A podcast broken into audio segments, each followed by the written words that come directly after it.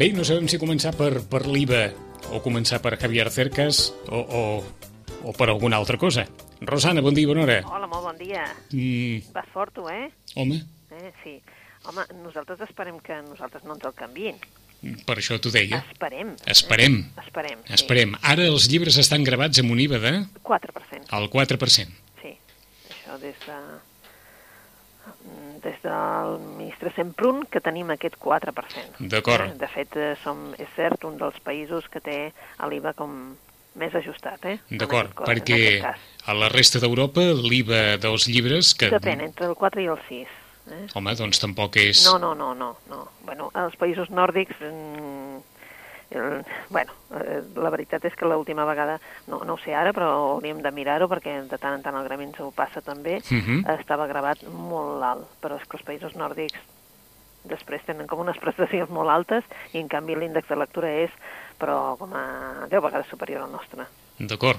És a dir, que els països, paradoxalment, els països que tenen l'IVA més alt en els llibres tenen el nivell de lectura més alt també? Sí, suposo que també, a veure, la qüestió IVA per ells doncs és, és amb tots els, els àmbits, és molt alt, però després, clar, tenen unes contraprestacions que, molt altes també, que nosaltres Mhm. no, ni ens les imaginem. Eh, et pregunto potser una, una ximpleria, però per una llibretera de, de tanta trajectòria, qui vulgui llegir continuarà llegint? Jo crec, que, jo crec que sí, perquè jo crec que l'IVA no... Primer, dubto que puguin pujar l'IVA, perquè és que llavors ja sí que maten, de fet, el tema lectura, eh? I amb això, clar, suposo que llavors haurien de decidir què fan amb els llibres recomanats a les escoles, eh? És a dir, Mhm. no, no els llibres de text, eh? Però sí els llibres que... Sí, sí, els llibres que recomanen. etc Ahà. etc que, que això normalment tothom ajusta molt, no? I, clar, si no, és que llavors ens carreguem aquest tema també. I jo diria que, que crec que no el pujaran. D'acord. és una de les coses, no sé si els importa gaire, saps? Mhm. Nosaltres, vull dir, la Eh, mm. que... Eh, T'ho pregunto per si d'alguna manera eh, eh, dins el gremi eh, hi ha hagut, no sé si algun posicionament o s'ha pogut parlar amb algú de l'administració sobre aquesta qüestió o, o hi ha una certa garantia que veritablement No, quan no. arribi la tardor l'IVA dels llibres no es tocarà? Mm, Ja sabeu que el que avui és blanc, demà Ja no és- se sap quin color serà, i aquí ningú no es compromet a res del que havia dit, és a dir, no? Mm. Em sembla que s'havien compromès a una sèrie de coses el, els partits i, i tampoc no les han pogut desfer. Llavors, clar, també tothom s'excusa amb això, no? Vull dir, tema rescat, tema no sé què, llavors doncs tot s'ha de pujar i tots ho hem d'entendre tot. Però en definitiva s'ha parlat sí amb els amb representants i de moment sembla que això està assegurat. És a dir, està assegurat que probablement l'IVA No. dels llibres no es toqui. no es, no es toqui. No es toqui. Eh? Vull dir, de fet, eh, dels articles que no són que no, no són llibres, per exemple, i que, Mhm. no, que els tenim nosaltres, tipus, per exemple, aquells tipus faristol, tot Sí. el que seria més d'això, això ja ens han avisat el, les empreses, dient, ei, el dia 1 de setembre això es Ahà. canvia l'IVA. De la mateixa manera no és el vostre cas, però les papereries, el material escolar sí que puja, eh? Sí, sí, sí, per això et dic que tot el que sigui... Mhm. Nosaltres Qui tenim vulgui... molt poca cosa d'aquest tema, no? Però qui vulgui una, tenim. una llibreta, Però- un bloc, alguna cosa d'aquestes, Eh, sí, saps allò, tipus llibretes així com especials, Sí. o les Moleskine, o Mhm. una tipus així, i això sí que totes les empreses han avisat que eh, a partir de l'1 de setembre canvia l'IVA. Clar, mm, entenem que els llibres no passa perquè és que si no també haurien d'avisar, pensant que ja saps que el mes d'agost és el mes de vacances, eh, de tothom. Mhm. Per tant, el dia 1 de setembre ho, ho haurien de tenir preparat. No. D'acord. En tot cas, si ens ve el pal després, això ja, ja ho veurem, però en principi Que- al setembre no. que us fa una certa por que l'1 de setembre us arribi la sorpresa? Eh, no, no comencem, eh? No, no, no, no. no. Eh, eh, sí que us fa ser respectes, clar, suposo.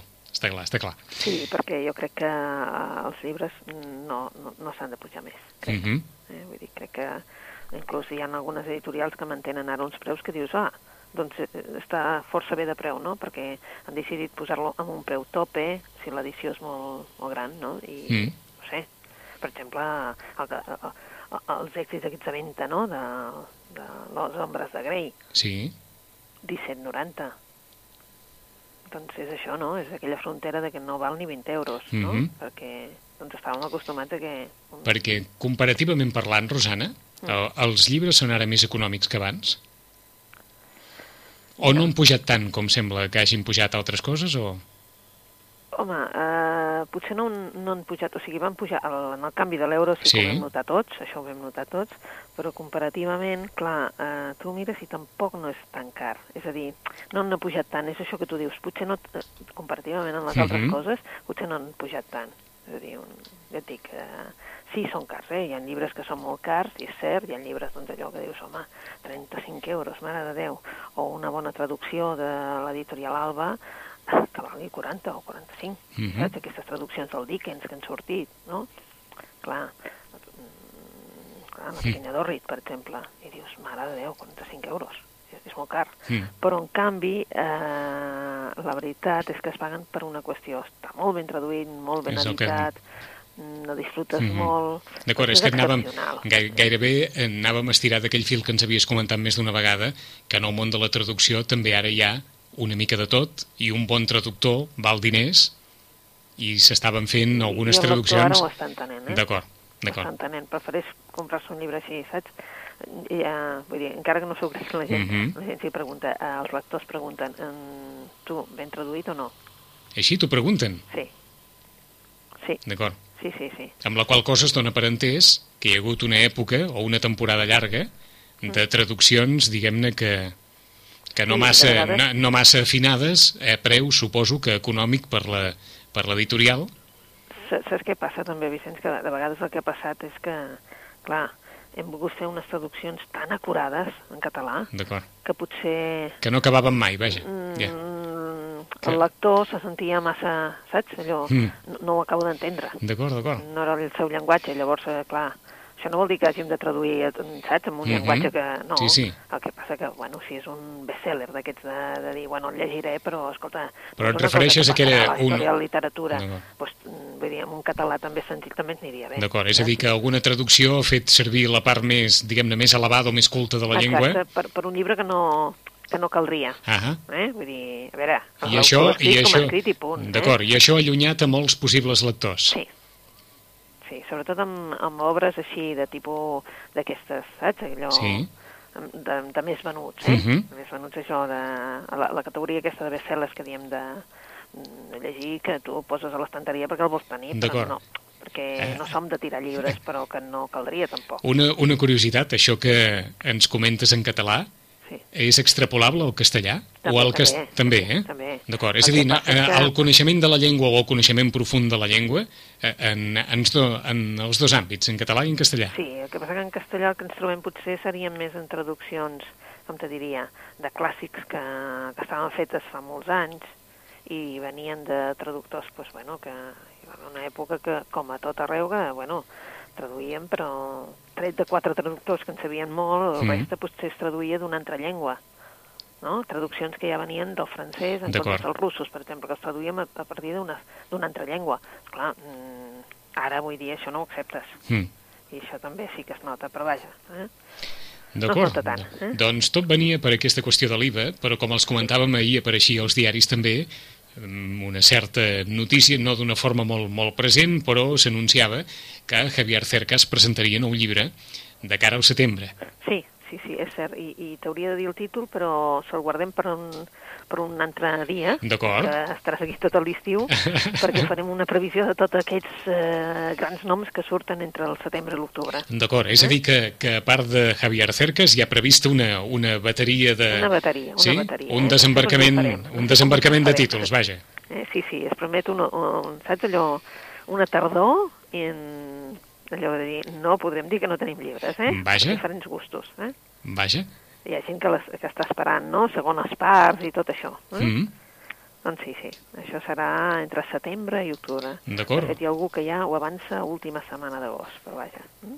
E- És A veure dir qui que- s'avança més, eh? D'acord, eh? lo nuevo de Javier Cercas en septiembre, això és el que, això és el que deien les pàgines de cultura eh, del Mundo, per exemple, però reflectien el periòdico, tots, eh, tots els diaris, el Mundo comentava d'aquesta forma, dient que l'editorial Mondadori publicarà Sí. el proper mes de setembre, diem el nom o no? Sí, sí, si vols. Sí? Sí, Doncs Sí. Les leyes de la frontera. Aquest és el títol de la nova novel·la de Javier Cercas, la primera després de rebre el Premi Nacional de Narrativa 2010, i encara es pot apuntar a partir de la informació periodística que Javier Cercas no es fixa en l'alta política, sinó en tres delinqüents juvenils i la deriva posterior de les seves vides durant l'estiu de l'any 1978, o sigui, els primers anys de la transició democràtica. Són tres delinqüents que es dediquen, doncs bé, com podíem haver vist en les pel·lícules de l'època, a, a donar estrabades de, de bosses, a robar cotxes, a buidar cases, a atracar bancs, en fi, com veiem en, en el Toreto i el Vaquilla cinematogràfic i presents a, a tants diaris, doncs la història o en principi l'eix fonamental d'aquesta nova història de Javier Cerca se centra en aquests tres delinqüents joves eh, que 20 anys després han, han canviat les seves vides. Un d'ells, per exemple, s'ha convertit en, un, en l'advocat més notable de la ciutat i rep l'encàrrec de defensar a un altre convertit en el delinqüent més famós d'Espanya. I a partir d'aquí es desenvolupa una història que, sens dubte, captivarà pel que veiem en aquest, en aquest resum del seu contingut, Les leyes de la frontera, a partir de setembre, la nova novel·la de Javier Cercas. Però anem a fer un repàs a les recomanacions que ens pugui donar la Rosana. Per on comencem, Rosana? Doncs mira, podríem començar, si vols, per la que és novetat, novetat aquesta setmana, Vinga. que és una novetat, és l'únic que ha sortit així com a novetat eh, extraordinària, i s'adalanta el català a la versió castellana. Uh, S'adalanta perquè es farà pel·lícula i la versió castellana estava prevista per la última, la darrera setmana d'agost. En català han decidit que ja la traien ara. Us parlem d'un autor que ja, ja n'hem parlat de vegades, és el John Esbo. Uh, el John Esbo és un autor de, de noruec que va fer un personatge que era el Harry Hall. De fet, eh, ja hem llegit el Pete Roig, eh, Nemesis? Tenim també el Redemptor, que era l'última, l'Estrella del Diable... Eh, amb aquestes hi havia un personatge que era, com us dèiem, el Harry Hall. Ara, mm -hmm. no. La novel·la en català s'ha traduït com aquesta paraula anglesa, Headhunters, eh? la novel·la d'un caçatalents que viu al límit, diu. Uh -huh. uh, la portada és això, bé, és, portada de pel·lícula, eh? vull dir, d'allò atraient, perquè són diversos eh, programes de la pel·lícula. D'acord, o sigui, de, se'n farà pel·lícula, eh, d'aquesta novel·la? Se'n farà pel·lícula, està clar, se'n farà pel·lícula i eh, surt fora de la trajectòria del, del, del detectiu que nosaltres coneixem, el Harry Hall. Eh? És a dir, per als que els agrada el John Esbo i ja estaven esperant una nova novel·la, els, els, els avisem de que aquesta no té res a veure amb les altres. Eh? És una altra cosa. Uh, aquí per, tenim un personatge, el Roger Brown. El Roger Brown és que d'aquells personatges que realment que és uh, d'aquells que ho tenen tot, no? Ell és un caçatalents i el que passa que és un, una persona amb d'allò, que no té límits la seva ambició. Mm. El Roger Brown el que busca és, eh, per a altres persones, busca trobar els càrrecs per grans corporacions i a partir d'aquí, doncs clar, li donen unes comissions impressionants a aquestes empreses en les quals ell assessora i els hi busca aquests talents, eh? Aquesta, doncs els hi donen unes... Vaja, que li, li ingreixen la, el compte corrent. Però, clar, ell amb els diners potser no en té prou i la seva obsessió per l'art, per la bellesa, eh, potser en aquest cas el faran travessar una línia que no hauria d'haver travessat. Eh? És una novel·la d'aquelles de, de girs sorprenents, de personatges que viuen sempre al límit i que, bé, en definitiva, torna a ser una novel·la que el John Esbol que ens presenta és aquesta societat eh, que de portes en fora sembla una bassa d'oli, en canvi, doncs, eh, bé, hi ha molta, molta cosa, diguéssim, per sota, no?, mm -hmm. que la gent, doncs, eh, tràfic eh, de diners i necessitats vàries que tenen a, a aquesta gent. La versió en castellà sortirà? El, el, la darrera setmana d'agost. D'acord. O sigui que...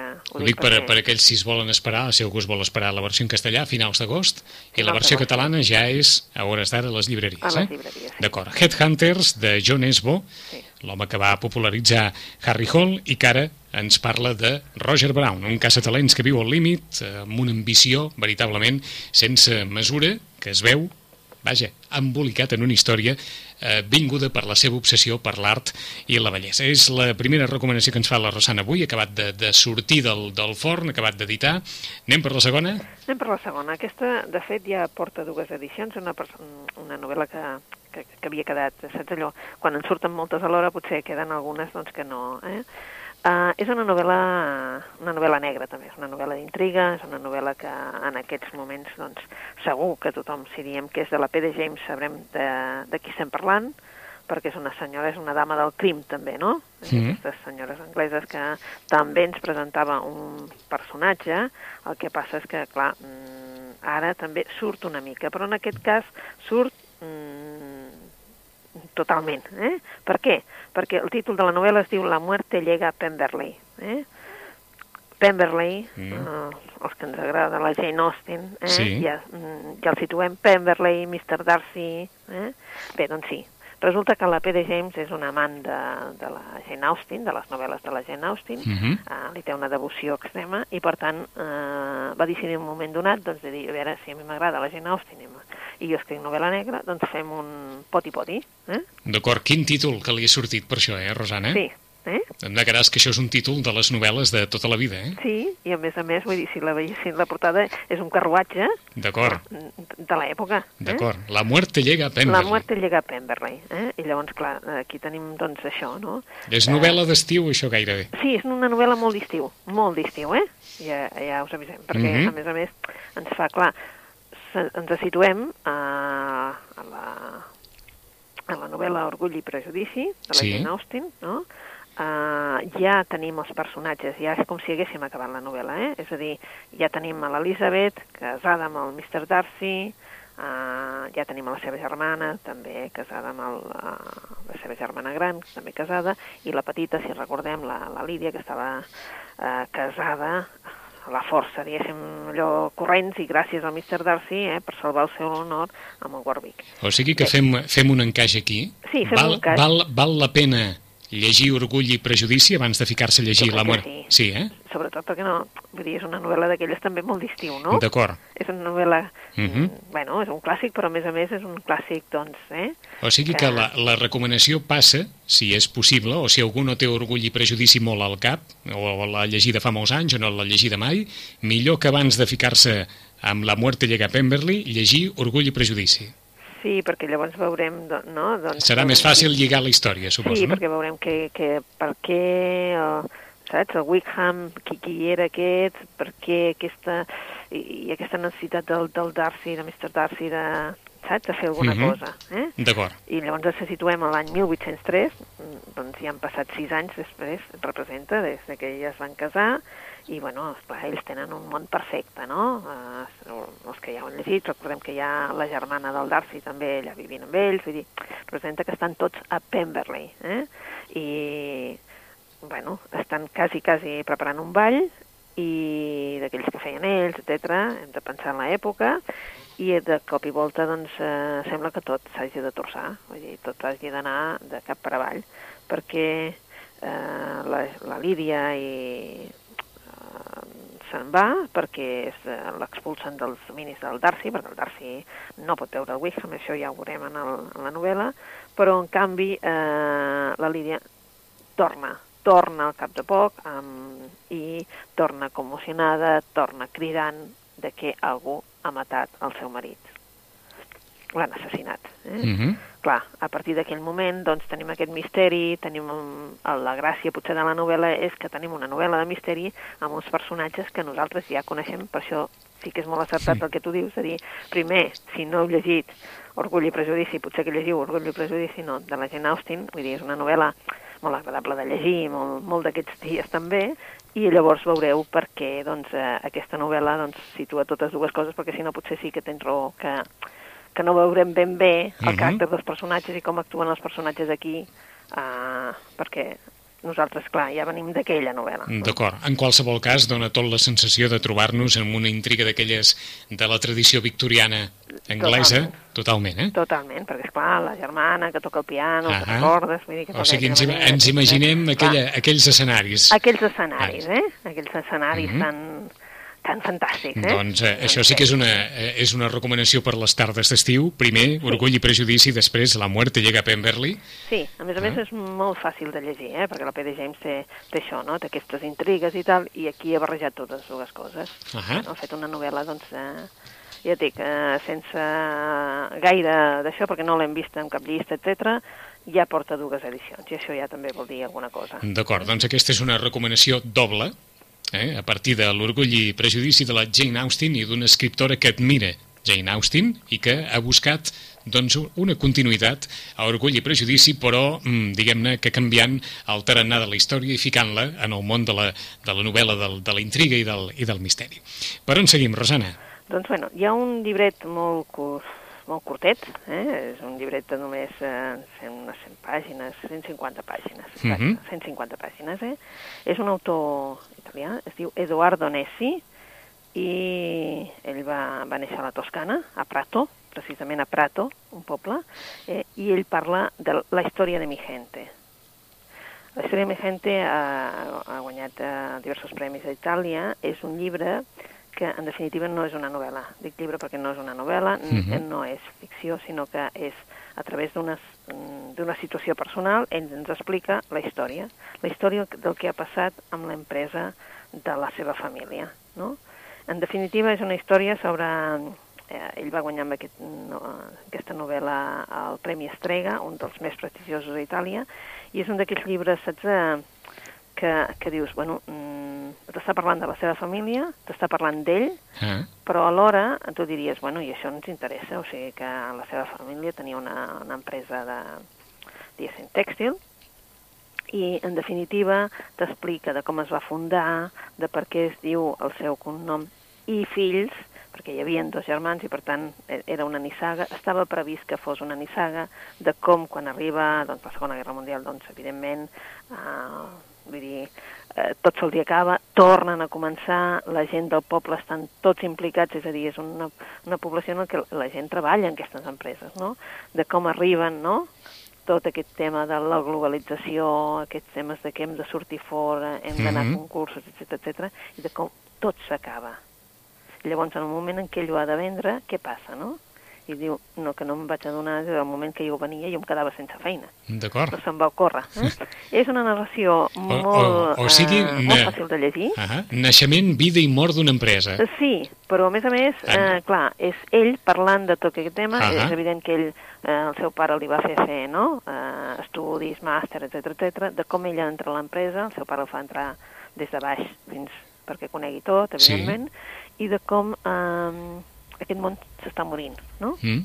És a dir, una època que, que finalitza, per dir-ho d'alguna manera? Sí, sí, sí, de com aquest món s'està morint, no? Ens recordava a mi molt... El... I, I suposo, Rosana, la vinculació amb la societat, amb el, Exacte. amb el poble que envolta aquesta empresa i les Exacte, i vicissituds, com no? aquestes petites empreses tèxtils que donaven feina a tot un poble, de cop i volta, no? Ah mm, indústria de fora, vale? és molt més barat, vull dir, Sí. tot, ens agrada tot molt, molt, molt més barat, i què ens porta això, no? D'acord. Ah, T'ho preguntava perquè tinc la sensació que és molta història per poques pàgines. És molt, sí, però és que s'entén molt ràpid. S'entén molt ràpidament. Saps? Vull dir, no, no, vull dir, t'ho explica molt ràpidament. D'acord. No, no és història, saps? És la història de mi gente, Mhm. i és veritat, és esto. Podria ser la història, és igual, eh? De pobles que tenim molt a prop, Sí, per saps? això, per això, que que dona... quedat així sense res, Mhm. de cop Dona- i volta, perquè tu mires totes les, uh, tot el tèxtil precisament, Està clar. molt important que era per Catalunya Mhm. i com hem quedat. Dona la sensació allò d'una novel·la costumista, no? Sí, De- de- sí perquè en, principi- és, és com un, no, és, és, és, està escrit com si fos una novel·la, però no és una novel·la. Entesos. Saps? Entesos. Llavors, clar, és que t'ho explica tant que dius, no, no, si ja ho veig, vull dir, és com, saps? Mhm. Eh, eh, Ho llegeixes molt ràpid i és molt agradable de llegir perquè, a més, a més, entremig, clar, també diu doncs, la seva passió, com, com ell ho conjuga això, perquè ell no volia pertànyer a l'empresa. A veure, ell li agradava la literatura. En definitiva, I es veu... escriu, etc. no? D'acord, i es veu Però- embolicat en aquesta aventura familiar. Exacte, i de com es veu obligat a vendre-la. D'acord. Vull dir, és una història de mi, de mi gente, la història de la mia gente, que és preciós. D'acord. Eh, L'únic és que només està escrit, a, només està publicat en castellà, eh? D'acord. D'Eduardo Nessi, eh, amb el rerefons, amb l'escenari de la Toscana, La història de mi gente. Un llibre també, doncs, per, eh, anàvem a dir, per abocar segurament i més d'un eh, sitgetà vilanoví o de les comarques en general que han viscut al voltant d'empreses eh, i trobarà molts punts de contacte encara que sigui això a uns quants quilòmetres de distància. I ens en queda per un mes encara, temps per un mes. Bueno, Rosana. doncs, fe- fem una altra novel·la policiaca perquè és que fa tanta calor que potser és el que més ve de gust en Mhm. aquests moments i ja continuarem la setmana que ve perquè encara en tenim forces. Perfecte. Però, eh? Si et sembla, parlem d'una que ja tothom coneix perquè va començar amb la princesa de gel i doncs ara tenim ja un nou episodi és eh, l'ombra de la sirena. Eh? Eh, diuen que és la, la dama negra del thriller suec. Potser sí, la Camila Lackberg va ser una de les primeres que vam conèixer després de, realment, de, de Larson. Uh -huh. eh? I la Camila Lackberg eh, torna ara amb un misteri, eh, com era d'esperar. Eh? És un episodi més de la saga, ho dic perquè si la gent vol, com que els altres ja hi són en butxaca, doncs poden començar per la primera que seria la princesa del gel. Eh? I ara tornem a les aigües tan gelades de Fallsbaca i allà hi apareix, en aquest cas, un cos sense vida, evidentment, d'un home empresonat, però empresonat, clar, com que es fa molt fred, empresonat en un bloc de gel. Eh? Eh, de moment, eh, tot quedava així que era un assassinat, però, clar, els, la gent de l'illa es comença a angoixar perquè se sap que un dels amics de la víctima fa mm. -hmm. temps que rep cartes anònimes, unes cartes que amenacen. Eh? Hi ha algú a Falsbach que, evidentment, eh, amaga doncs, tot un episodi d'odi cap a algú.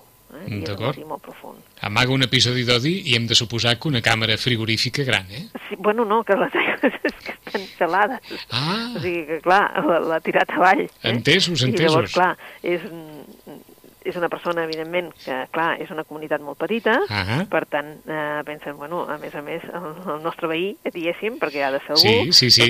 no té cap escrúpols, perquè ja ha actuat una vegada i podria tornar a complir les seves amenaces, Mm, perquè, clar, hi ha amenaces, no?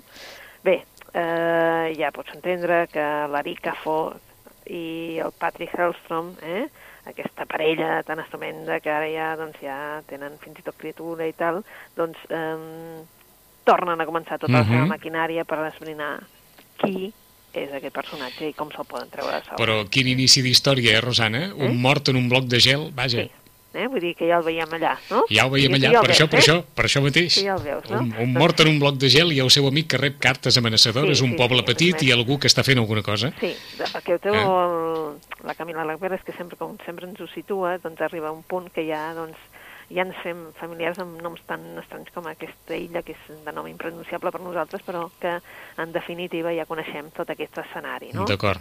Fred, això sí, Mhm. i mira, també va bé, no? És el que anava a dir. En una mica de fred. Potser eh? sí que ple estiu llegir en, eh, bé, eh, alguna Sí. cosa enmig d'un escenari veritablement glaçat a tota hora, doncs potser a algun encara li resultarà terapèutic fins i tot, eh? Sí, no? Eh? Sembla que, que no ens faci tanta calor. D'acord, i com ens deia la Rosana, qui vulgui començar per alguna altra novel·la de la Camila Ladberg ho pot fer amb La princesa de gel, estan totes editades, però aquesta és la seva darrera, L'ombra de la sirena, aquesta novel·la policíaca a l'entorn de un home que és trobat mort a dins un bloc de gel, una comunitat molt petita, algú d'aquesta comunitat està amenaçant amb cartes a l'amic d'aquesta persona morta i, òbviament, un parell d'investigadors, els investigadors de Camila Ladberg, que han de trobar la solució a aquest cas. Ha estat una de les recomanacions del dia d'avui, una altra, la d'Eduardo Nessi, aquesta novel·la que promet ser també molt evocadora d'èpoques passades, la història de mi gente, a partir d'un escenari de la Toscana, un home que volia dedicar-se a la literatura que acaba ficat a dins de l'empresa familiar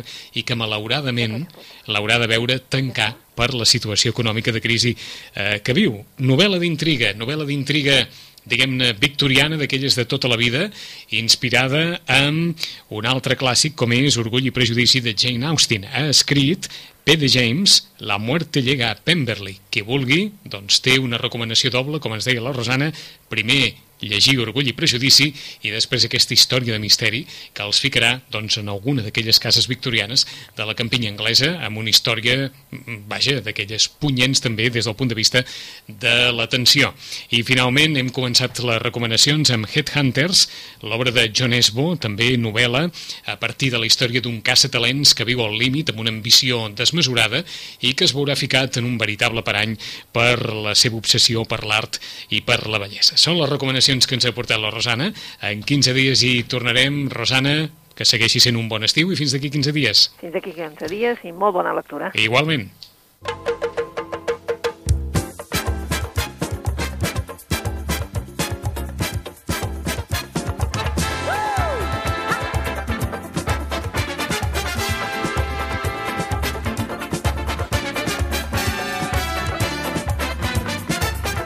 Radio Marisel a cel.